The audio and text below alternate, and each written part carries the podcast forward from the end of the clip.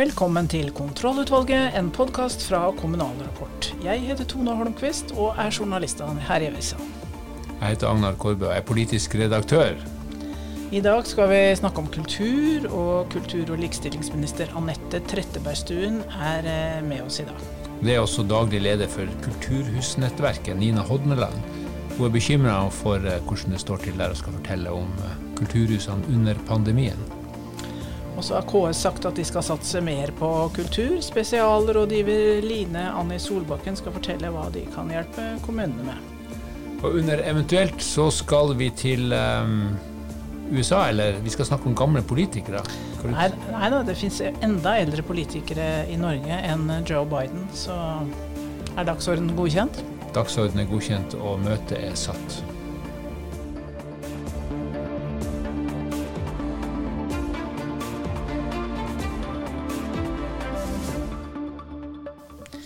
Da har vi med oss eh, Nina Hodneland. Eh, du leder Kulturhusnettverket i Norge og representerer rundt 130 kulturhus fra sør eh, til nord. Vi vet jo at Kultur-Norge har fått seg en skikkelig smell under pandemien. Hvordan står det til der ute, Hodneland? Ja, Medlemmene i norske kulturhus de har fått seg en, fått seg en trøkk. Og det som er viktig å få frem, det er jo at de har jo fortsatt store utfordringer. Eh, nå, er det, nå, er det, åpent. Nå har man lov å sitte tett i tett, og man kan til og med stå tett i tett. Men nå står vi faktisk i eh, kanskje den eh, nesten vanskeligste perioden eh, under hele pandemien. Eh, for nå er det ingen eh, støtteordninger som, som, gjelder for oss lenger. men publikum har ikke ikke helt eh, kommet seg ned fra gjerdet og inn i konsert- og kulturhussalen ennå. Og eh, det, det, har heller ikke artistene. Eh, hvis du går inn og ser, eh, når vi har snakket med medlemmene våre, går inn og ser på programmet for eh, våren 2022, så er det ikke fullbooket i kulturhusene. Eh, altså, det er ikke store turneer ute på veiene for det er det ingen som tør. Så våren 2022 den eh, får jeg litt vondt i magen når jeg tenker på, selv om vi er kjempeglade for gjenåpning. Tror du at eh, dette kan være et varig endring av eh, publikumsbesøk, eller kan det bli bedre utover høsten? Ja, Vi er selvfølgelig eh, veldig spente på det. Eller spente, det er kanskje positivt, positivt ladet ord. For vi er jo egentlig bekymret for det. Eh, så har vi jo sett eh, glimt underveis, også under pandemien, og at publikum er jo interessert i å, i å benytte eh, konsert- og, og kulturhusene. De er interessert i å benytte kulturtilbud. Særlig det første året så var jo folk litt sånn at når de fikk muligheten, så benyttet, benyttet man det som var. Men så har vi jo hatt nå nesten altså Man har hatt to år, eh, og folk har fått eh, de har kanskje kjøpt seg en billett, og så er den blitt flyttet, og så er den blitt flyttet igjen, og så er den blitt kansellert og utsatt og flyttet. Jeg tror folk er usikre. Usikre på om hvis jeg kjøper noe nå, blir det noe av.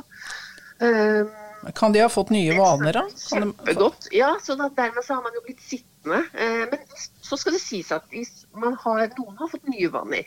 Men i store deler av landet så har man jo også kunnet benytte kulturtilbudet eh, mer eller mindre normalt eh, delvis under pandemien. Men da har man jo fått Man har lov, man har f.eks. hatt lov til å være 200 stykker i, i sal.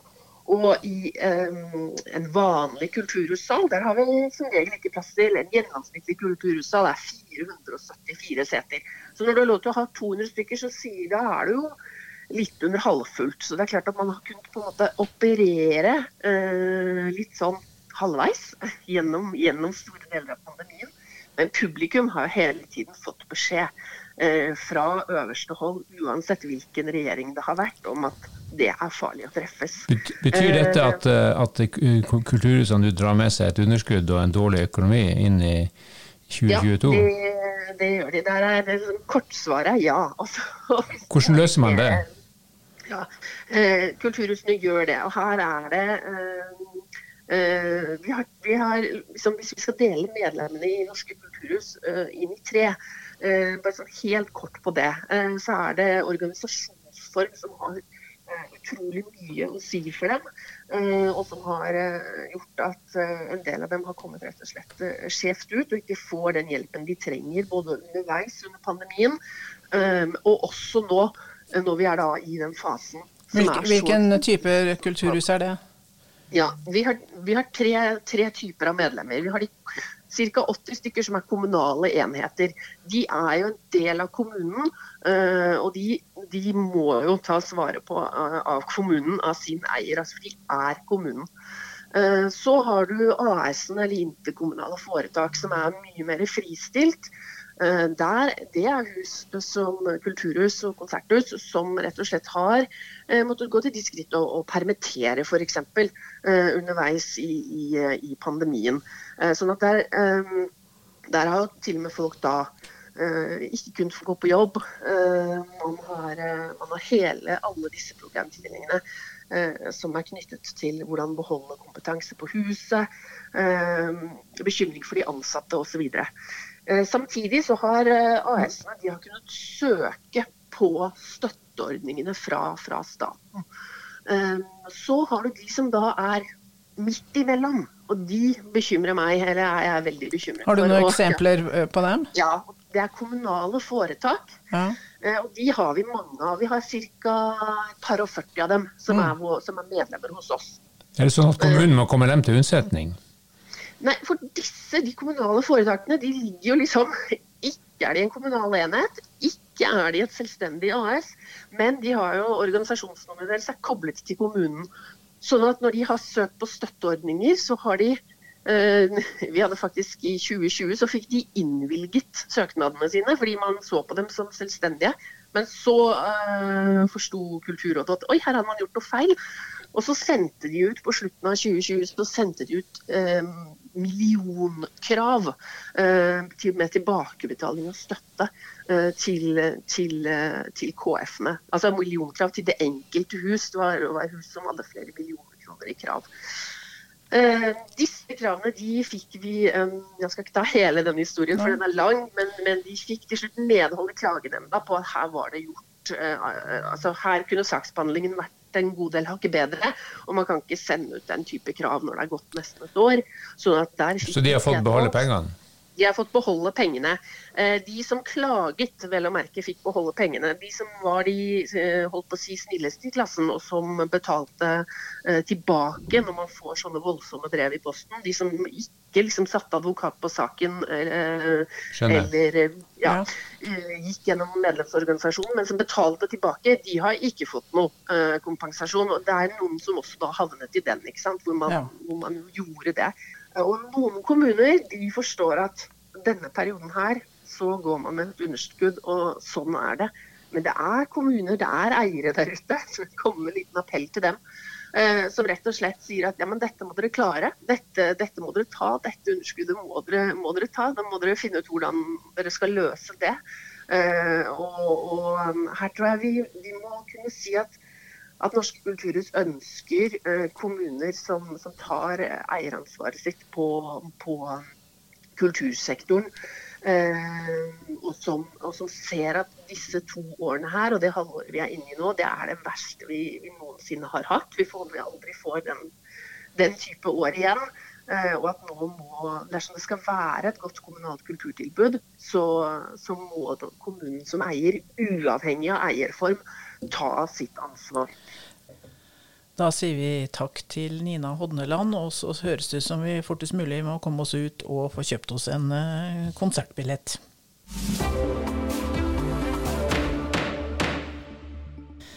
Line Anni Solbakken, du er spesialrådgiver for kultur i KS, og det har jo vært noen tøffe år for kulturen. Eh, hva får du tilbakemelding på fra kommunene om at de trenger hjelp til nå?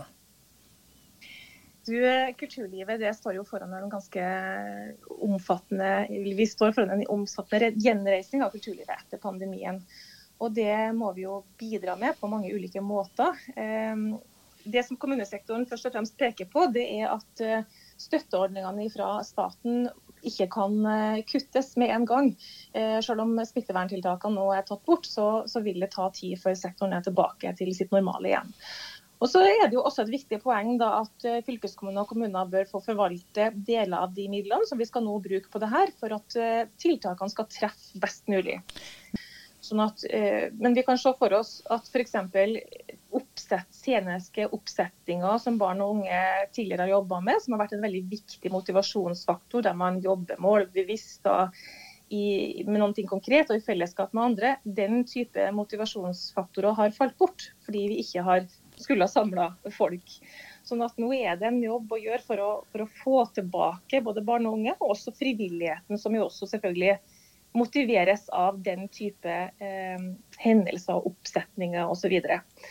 Eh, og så vet vi jo også at Publikum ønsker jo å komme tilbake til kulturarenaen, men, men at de i praksis også sitter litt på gjerdet og venter litt. Eh, eh, sånn at Der også har vi en stor jobb å gjøre fremover. Eh, fylkeskommuner og kommuner har tildelt rammetilskudd og må forholde seg til det, men staten sitter, sitter på pengesekken og har litt andre muligheter i så måte. Så det er først og fremst de statlige støtteordningene vi trenger eh, at det skal være til stede. Og så må kommunesektoren få gode rammevilkår for å kunne ta i bruk de virkemidlene de har. Og, her eksisterer det jo eh, en rekke tilskuddsordninger og, ja, system allerede som lett kan tilrettelegges for, for videre stimulering av kulturlivet. Det skal være en gjenreisning av kulturlivet, som du sier. Og snart skal det være et kulturpolitisk toppmøte med kulturminister Tretteberg. Hva vil du si til henne?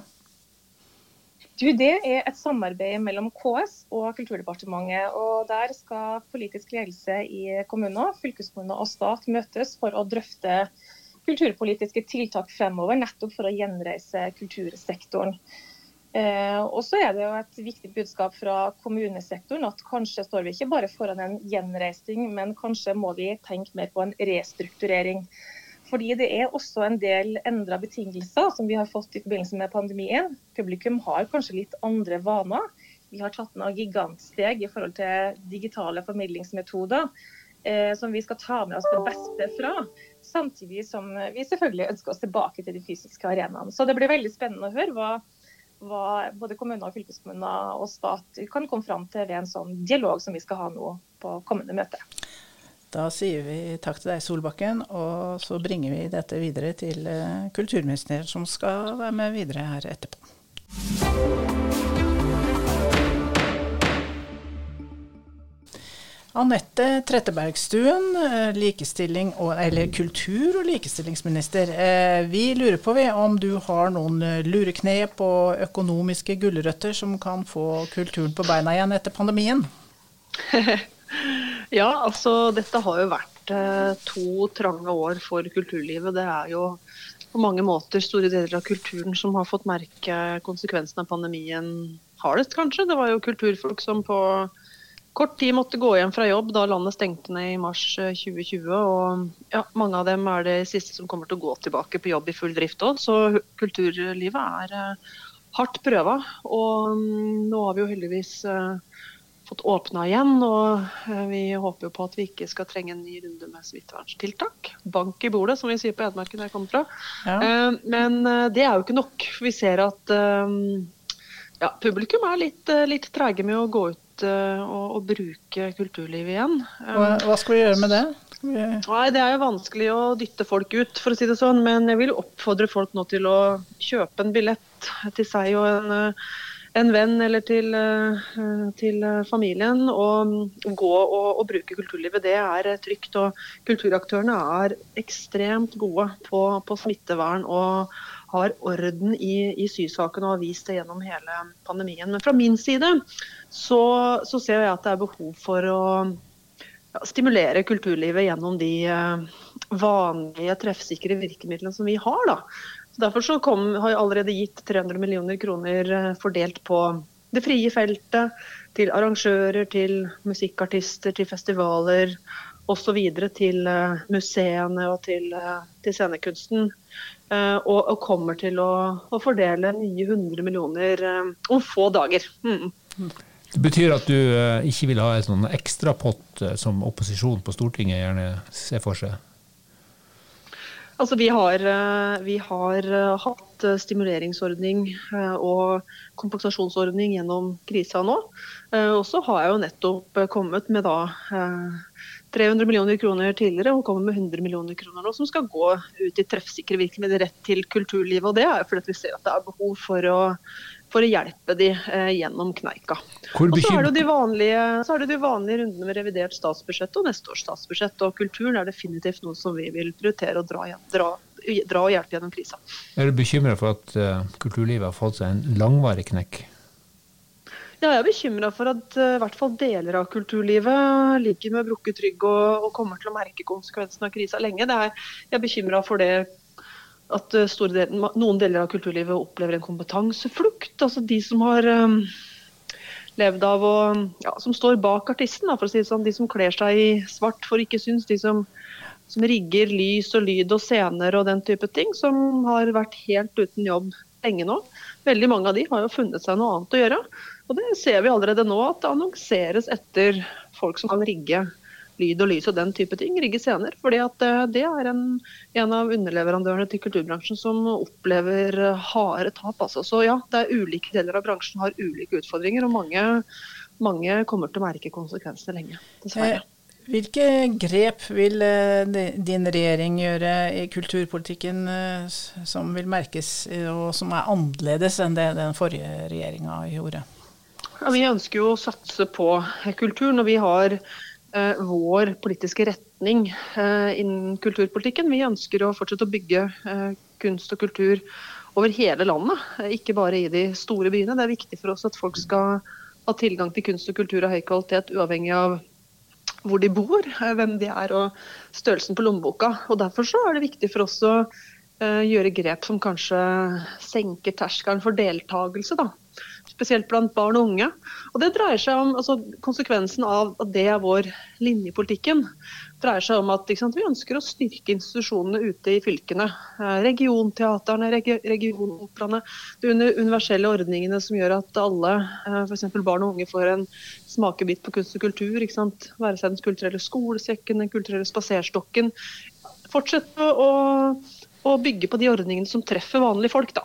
Det er viktig for oss. Og så er det også ekstremt viktig for oss at kulturfolk er arbeidsfolk. Og veldig mange kulturarbeidere og kunstnere er jo i dag eh, har en løselig tilknytning til arbeidslivet. Er, eh, er frilansere, selvstendige osv. Og, så og går glipp av sosiale rettigheter. Og det ønsker vi å gjøre noe med. Så Der setter vi i gang et omfattende arbeid nå for å se på hvordan vi kan eh, styrke deres sikkerhetsnett. Akkurat, Det er bra. Det siste er veldig viktig. Hva, det, hva, kan kommuner og fylkeskommuner gjøre for å hjelpe det lokale kulturlivet, kulturhus, eh, artister og, og disse bak, bakkemannskapet? Ja, Kommunene er jo også her som alltid veldig viktig.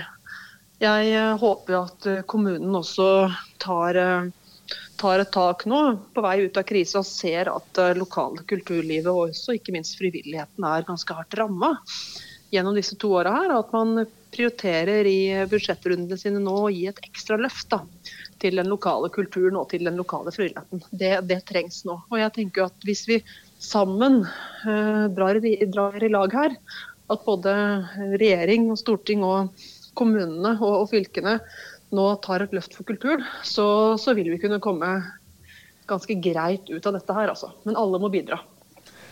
Helt på tampen, eh, Det er mye snakk om fylkesoppløsning i disse dager. Ikke så mye snakk om det fylkeskommunale og regionale kulturlivet. Er det noe som bekymrer deg med tanke på det regionale kulturlivet, når vi nå får eh, plutselig flere fylkeskommuner? Ja, så um, Jeg er i hvert fall opptatt av at uansett hvilken struktur folk uh, velger seg, så, så, må vi passe på de områdene som, uh, som kanskje har gjennom historien hatt en tendens til å nedprioriteres litt da, i kampen om, eh, om penga og kampen om oppmerksomheten. Det er klart at uh, det regionale nivået har ansvaret for uh, videregående skoler og, og, fylkesveier og tannhelse. Men man må også huske at kulturen er viktig. Og Det å bygge en sterk regional kultur og sterkt regionalt kulturliv, det handler om rett og slett å være en region det er godt å bo i. Det handler om å kunne tiltrekke seg flere folk som vil jobbe og, bo der. Og det handler om å ja, gi gode liv til innbyggerne. Da. Så det må man eh, se på som en investering, ikke som en utgift.